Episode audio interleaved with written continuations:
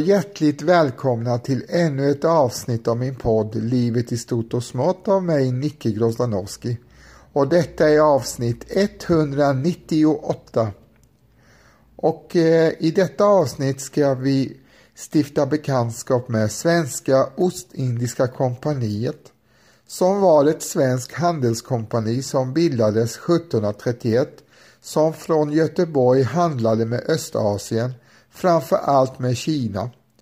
Under de första åren var resorna mycket lönsamma för att under slutet av 1700-talet nästan alltid gå med förlust. Totalt genomfördes 132 expeditioner med 37 olika fartyg och skepp. Kompaniet upplöstes den 29 maj 1813 efter en bolagsstämma. I Sverige planerades under 1600-talet åtskilliga handelskompanier efter mönster från de nybildade utländska kompanierna, men framgången var kortvariga. Den 14 juni 1626 utfärdade kungen Gustav II Adolf privilegier till nederländaren Willem Usinex för Söderkompaniet i Göteborg med uppdrag att utföra handel med Asien, Afrika och Amerika.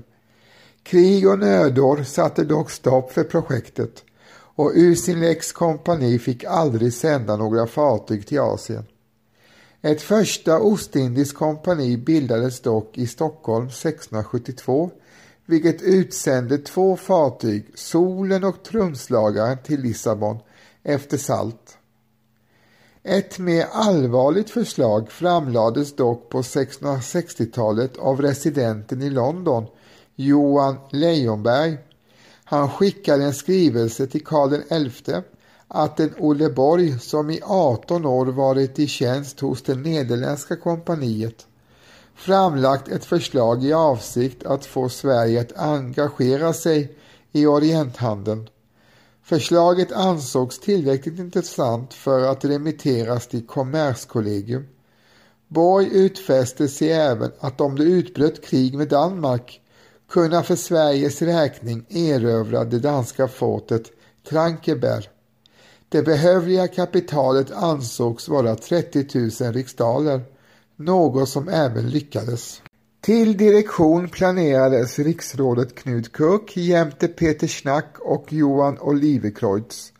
Bland de som tecknat sig för mer än tusen riksdaler fanns betydelsefulla namn som drottning Hedvig Eleonora, Magnus Gabriel de la Gardie, Gustav Otto Stenbock, Gustav Sop och Louis de Geer den yngre. Det blev dock svårigheter att driva in pengarna från subskribenterna. Ett förändrat politiskt läge satte stopp för planerna och 1674 upplöstes föreningen. Ett nytt försök gjordes av pirater som höll till utanför Madagaskar, vilket räknade handel med Sverige som en säkrare utkomst än sjöröveriet.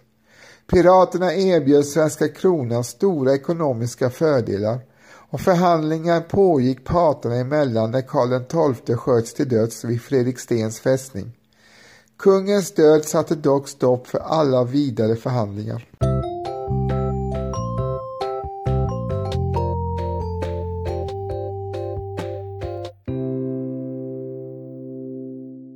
Sveriges ekonomi var i dåligt skick efter det stora nordiska kriget som pågick mellan 1700 och 1721 och handel räknades som en tillväxtfaktor.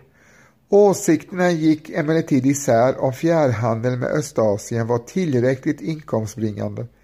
De främsta farhågorna gällde Sveriges möjligheter att tillräckligt starkt försvara kompaniets skepp och handelsplatser. De stora sjömakterna England, Frankrike och Nederländernas kompanier drog sig inte för att attackera främmande fartyg för att hindra konkurrensen. Tidigare misslyckade försök att starta konkurrerande kompani i Tyskland och Nederländerna avskräckte. Det starka utländska stödet från främst brittiska men i viss mån även nederländska handelsidkare som stängs ute från ländernas egna kompanier var det som möjliggjorde företaget. Majoriteten av investerarna liksom uppköparna av kompaniets varor var utländska affärsmän. Tillståndsgivningen var inte helt okontroversiell under denna tid då merkantilismen var den bärande idén. Särskilt efter Fredricus Rex Suecias hemkomst efter första resan 1735 väcktes en stark opposition mot den stora mängd främmande varor landet nu fylldes av. Kanske inte till så liten del styrd av avundsjuka över de stora vinster investerarna gjorde. En av de skarpaste kritikerna mot oktroj var Johan Ackenholz. Skeptikerna varnar bland annat för att de nya produkterna skulle förvärra den allmänna fåfängan i landet. I Kommerskollegiums berättelse till 1738 års riksdag om handelsbalansen klagades det över att hela två tredjedelar av de varor kompaniet dittills infört hade stannat inom landet. Det hade gått så långt att man numera, citat, största delen av den gemena kvinnohopen in till tjänstehjonen går klädda i siden. Slutcitat. Kompaniet mötte kritiken genom att förklara sig villigt att hädanefter föra ut alla de varor som var förbjudna i överflödsförordningarna och sälja dem utomlands. Det nya handelsbolaget skulle verka på ett område där Frankrike och Storbritannien dominerade, men bolagets handelsmonopol gav fördelar.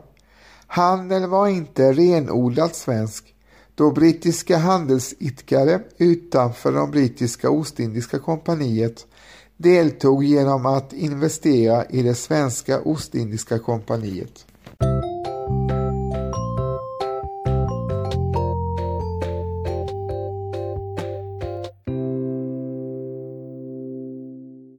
Det var först ett stycke in på 1700-talet som Sverige verkligen erhöll ett Ostindiskt kompani. Sannolikt kan man se bildandet som en följd av att det flamländska Oständekompaniet som fått sina privilegier av Karl VI 1722 upplöstes år 1731. Därmed fick de som hoppas på att bli delaktiga i den vinstgivande Ostindiehandeln se sig om efter en annan plats för att realisera sina planer och drömmar och så för blickarna på Sverige. Kompaniet planerades 1727 under en träff i Ostende mellan skotten Colin Campbell och göteborgaren Niklas Sahlgren. Deras planer förverkligades genom att de grundade det svenska Ostindiska kompaniet 1731 tillsammans med Henry König, en stockholmare av tysk ett från Bremen. Magnus Lagerström blev sekreterare vid grundandet och senare direktör.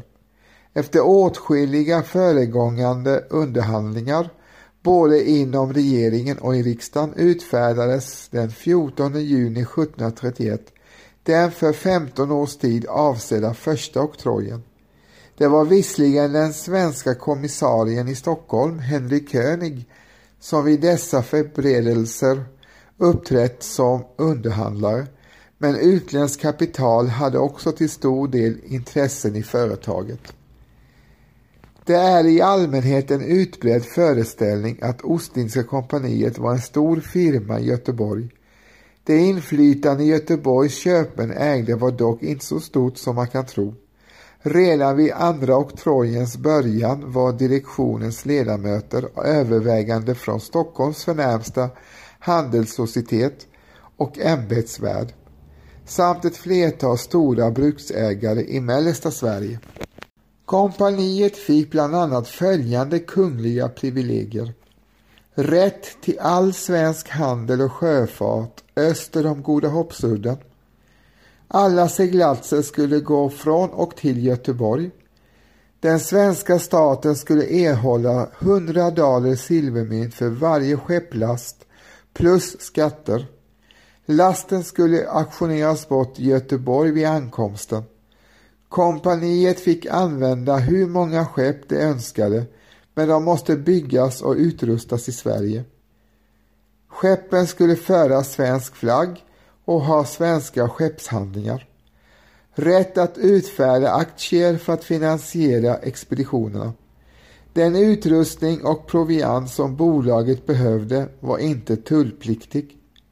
Kompaniets befäl hade samma rang som svenska sjöbefäl. Fartygsbesättningen undantogs från svensk militärtjänst. Fartygen ägde rätt att bemöta våld med våld. Och slutligen bolaget hade rätt att hålla finansiell information och upplysning om aktieägares hemlighet.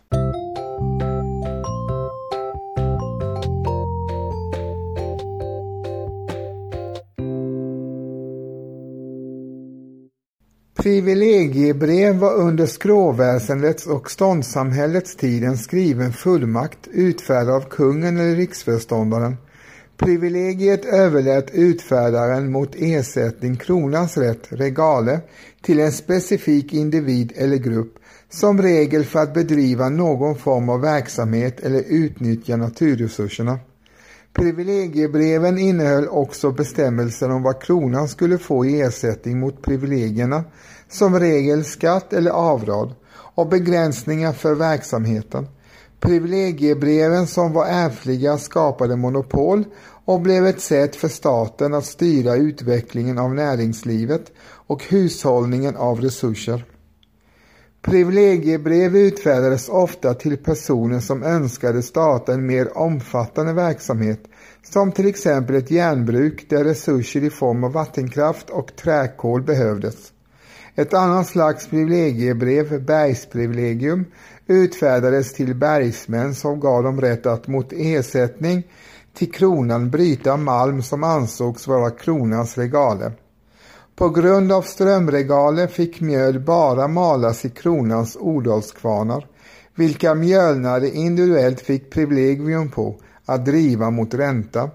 Apoteksprivilegier utfärdades till apotek men eftersom privilegierna var ärftliga och kunskapen om farmaci kunde saknas hos arvingar uppstod ett omfattande privilegiehandel.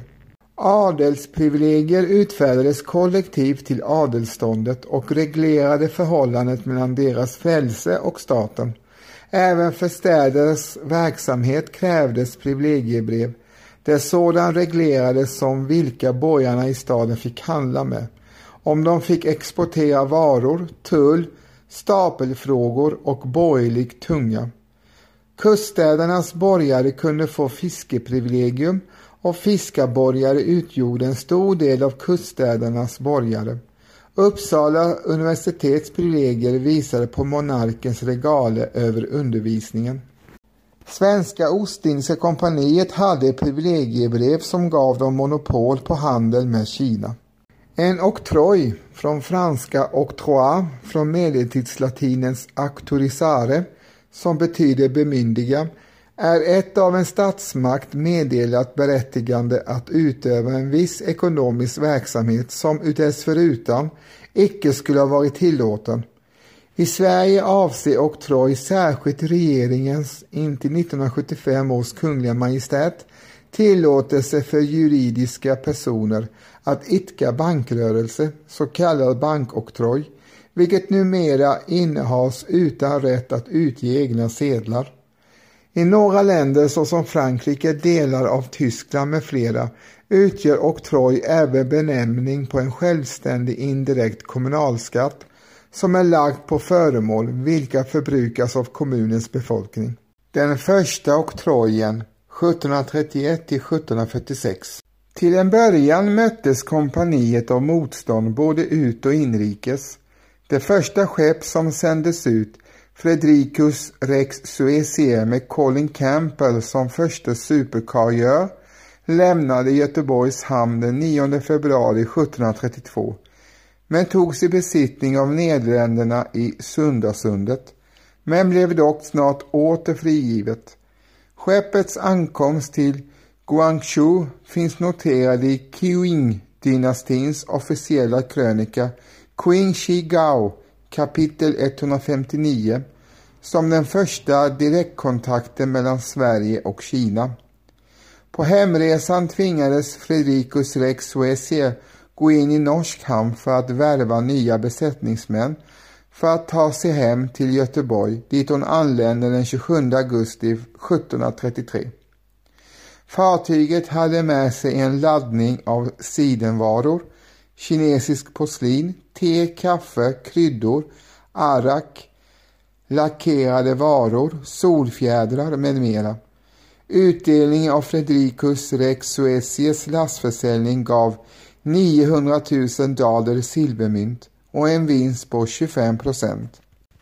Nästföljande expedition med skeppet Ulrika Eleonora avseglade i januari 1733 med sikte på Parangipetai, äldre portugisiskt namn Porto Novo, i nuvarande Tamil Nadu vid Indiens östkust med avsikt att anlägga en faktori. Ulrika Eleonora seglade upp mot Bengalen för att skydda det mot höststormarna medan faktoribygget fortsatte. Den brittiske guvernören Thomas Pitt som befann sig i Madras kontaktade en fransk guvernör i Pondicherry. De båda guvernörerna satte ihop en liten armé och anföll det svenska faktoriet i Parangepetai varvid svenskarna förlorade. När kaptenen på Ulrika Eleonora fick meddelandet om anfallet seglade han till Palangepetai där skeppet blev beskjutet av britterna och fransmännen. Ulrika Eleonora fortsatte därför till Ceylon, en nederländsk koloni, men blev avvisade och blev utan proviant och färskvatten. Frihamn fick de först vid Mauritius där de kunde proviantera och reparera fartyget. Vid ankomsten kunde man konstatera att expeditionen var ett fiasko och en förlustaffär. Av de ursprungliga 103 besättningsmännen hade 70 blivit tillfångatagna, 17 hade drunknat eller dött ombord och 16 hade rymt. Kvar ombord fanns 48 personer där flertalet värvats under resans gång. Kompaniet undvek sorgfälligt sammanstötningar med de övriga Ostindiska kompanierna och riktade sin huvudsakliga verksamhet på handel med Kina och avstod från att tänka på landvinning i Indien. Dessutom gjorde man vissa eftergifter för att tysta det inhemska missnöjet.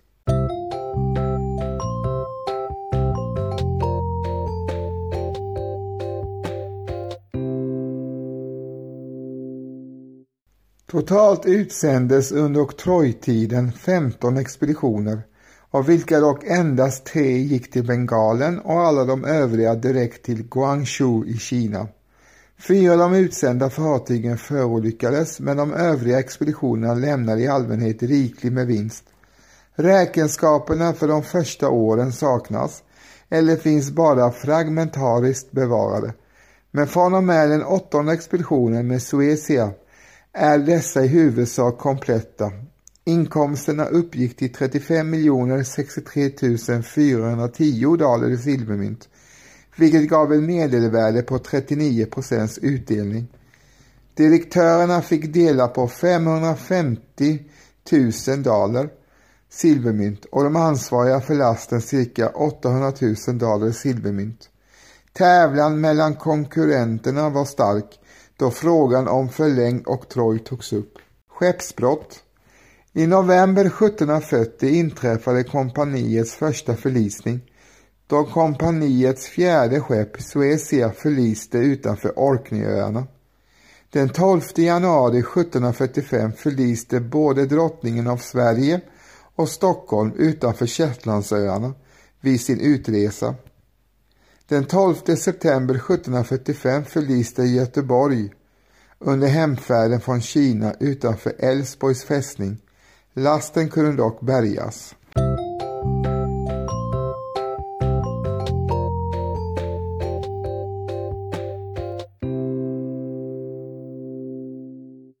Den andra oktrojen 1746 till 1766 Vinsterna hos delägarna i den första oktrojen väckte stort intresse för att få möjlighet att teckna en ny då den gamla oktrojen skulle löpa ut den 14 juni 1746. De tidigare delägarna hade förutom utländska handelsmän främst varit Göteborgshandlare. Nu blandade sig en rad Stockholmsköpmän in i leken. Redan 23 september 1745 inlämnade firman Abraham och Jakob Arvidsson och kompani en ansökan om oktroj och erhöll en preliminär försäkran om en sådan. Ett par veckor senare inkom även Anders Blomgren och kompani tillsammans med ceremonimästaren Karl Broman med en ansökan. 20 januari 1746 ansökte de direktionen för den första oktrojen om att erhålla en ny sådan. 24 mars 1746 tillsattes en kommission för att utreda den mest lämpliga direktionen.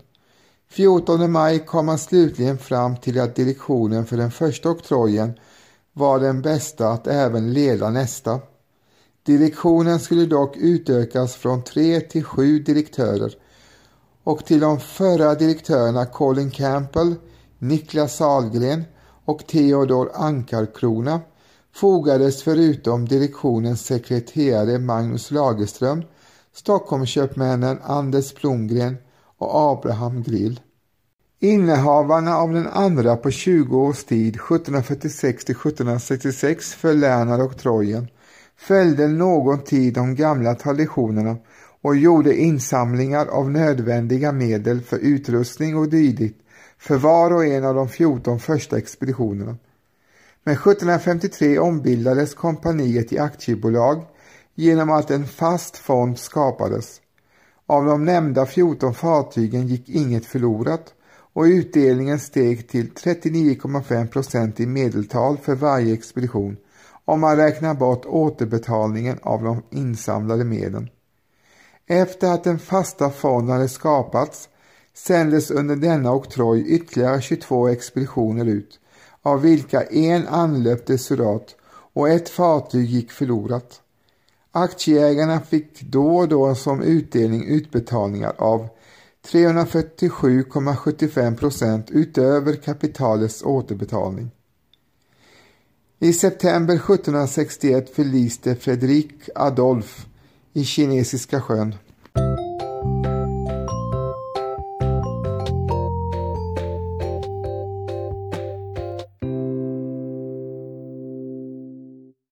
Den tredje oktrojen 1766 till 1786 Även den tredje oktrojen blev mycket framgångsrik och under denna tid utsändes 39 fartyg och inte någon av dessa gick förlorat eller led någon större sjöskada. I samband med det nordamerikanska frihetskriget, den så kallade amerikanska revolutionen, som pågick mellan 1775 till 1783 blev konjunkturen ovanligt gynnsam för handeln och utöver återbetalning av aktiekapitalet fick också delägarna emellanåt som ren vinstutdelning uppbära upp mot 298,63 procent, vilket innebar nästan en fyrdubbling av kapitalet. År 1786 fick man för första gången se en kines i Sverige. Det var en affärsman som följde med ett av Ostindiska kompaniets fartyg. Citat. Han uppväckte allas nyfikenhet och beundran. Slutcitat skrev magistersekreteraren i Stockholm Ho Child som för övrigt beskrev mannen som citat hygglig slutcitat. Den fjärde oktrojen 1786 till 1806 till skillnad från de första tre ledde den fjärde oktrojen till förlust för intressenterna, främst på grund av liberalisering av världshandeln samt olika krig och blockader. Skeppsbrott i mars 1796 förliste Göteborg i Taffelbukten. I juli 1798 strandade Gustav III på Goodwin Sands. I november 1801 förliste drottning Sofia Magdalena i Engelska kanalen och i januari 1803 strandade drottningen utanför Arendal.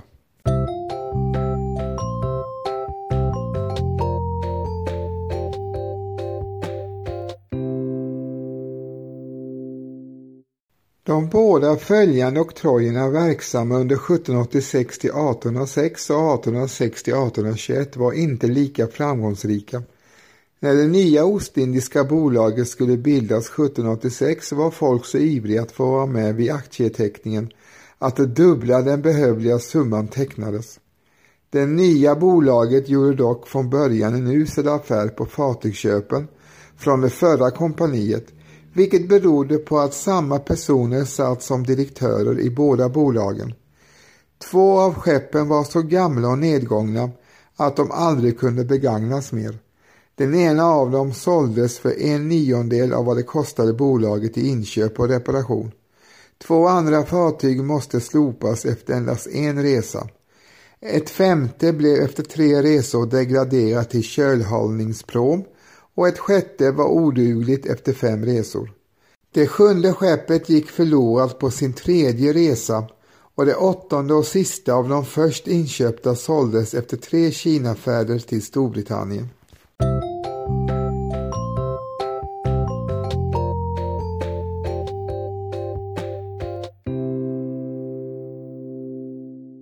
Sedan fick kompaniet ideligen uppleva obehagliga följder av det långvariga krigstillståndet i Europa efter franska revolutionen. Den fjärde oktrojens innehavare lyckades inte åstadkomma någon expedition efter 1803 och måste 1809 göra session utan att under alla dessa år ha gjort en enda utdelning. Den femte oktrojen avsedd att räcka till 1821 pågick av liknande anledningar inte längre än till 1814 då handeln med Ostindien förklarades fri för alla. För Göteborg, kompaniets säte och stapelstad, blev den ostindiska handeln en källa till rik och hastig uppblomstring. De dyrbara indiska och kinesiska varorna, huvudsakligen siden, te, porslin och kryddor, såldes på livligt besökta auktioner efter Ostindiefararnas hemkomst. De spreds sedan nära nog över hela Europa och utgjorde en betydande del av Sveriges export.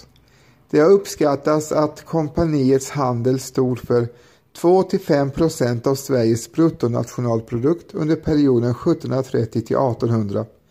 Det blev liv och rörelse i Göteborg när en Ostindienfarare kom hem. Den tyskfödde historikern Ernst Moritz Arndt fick under en vistelse i Göteborg år 1804 vara med om en sådan händelse som han beskrev på följande vis. Citat. Vid ett dylikt tillfälle härskar en allmän glädje därstädes. I synnerhet firar besättningen flera dagar sin hemkomst och återseendet av ett älskat och länge saknat fosterland.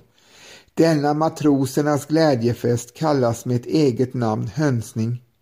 Hela besättningen tågar med klingande spel och fladdrande vimplar förbi varven och genom förstädernas gator. En glad måltid väntar dessa välkomna gäster och en mängd tjänstvilliga nymfer lurar endast på en bjudande vink för att under natten deltaga i balerna och den bakaliniska glädjen. Man vet vilken vild och utsvävande varelse en matros är då han omsider bestigit fasta landet sedan han på flera månader ej sett något land." Slutcitat.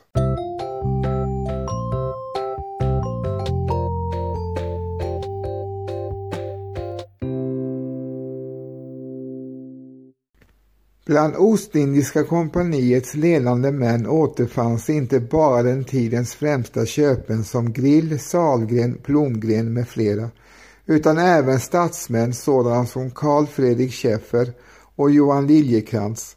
Ett betydande antal riksråd och i övrigt högt uppsatta personer var också delägare. Det var därför knappast underligt att det rika kompaniet var väl ansett på högre ort och ibland lyckades utverka förmåner som inte var tillgängliga för alla.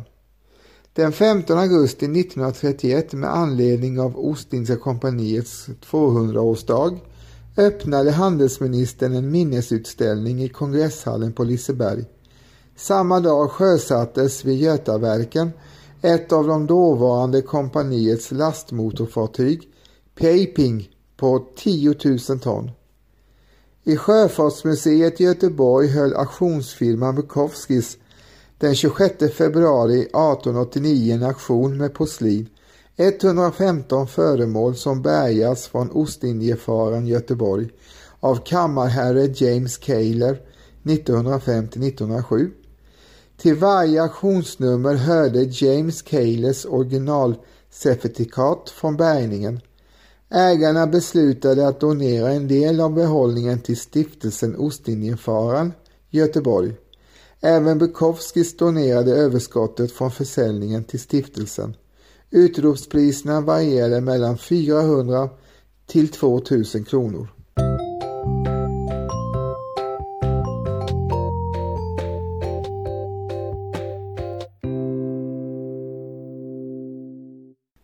–1993 bildades ett företag för att bygga en kopia av Ostindiefararen Göteborg. Originalet var byggt 1737 och tillhörde Ostindiska kompaniet till 1745 då det sjönk efter att ha gått på grundet Hundebådan i Göteborgs hamninlopp. Mer om detta i nästa avsnitt. Göteborgs stadsmuseum har sedan 1861 sina utställningar i Ostindiska huset. I det så kallade Godegårdsarkivet på Nordiska museet finns Jan Abraham Grills Ostindiska handlingar som bland annat innehåller en rikhaltig korrespondens samt material om faktoriet i Kanton, provianteringen av skeppen och de stora upphandlingarna av kinesiska varor som sändes till Sverige. Vid Göteborgs universitetsbibliotek finns arkivmaterial från det svensk-ostindiska kompaniet tillgängligt via webben. Warwick University Library har gjort tillgängligt ett antal digitaliserade försäljningskataloger från det svenska kompaniets aktioner.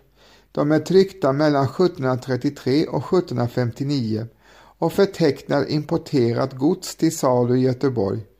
Digitaliseringen skedde inom ramen för projektet Europe Asian Centuries Trading Eurasia 1600 till 1830 vid Center for Global History and Culture, Department of History, University of Warwick.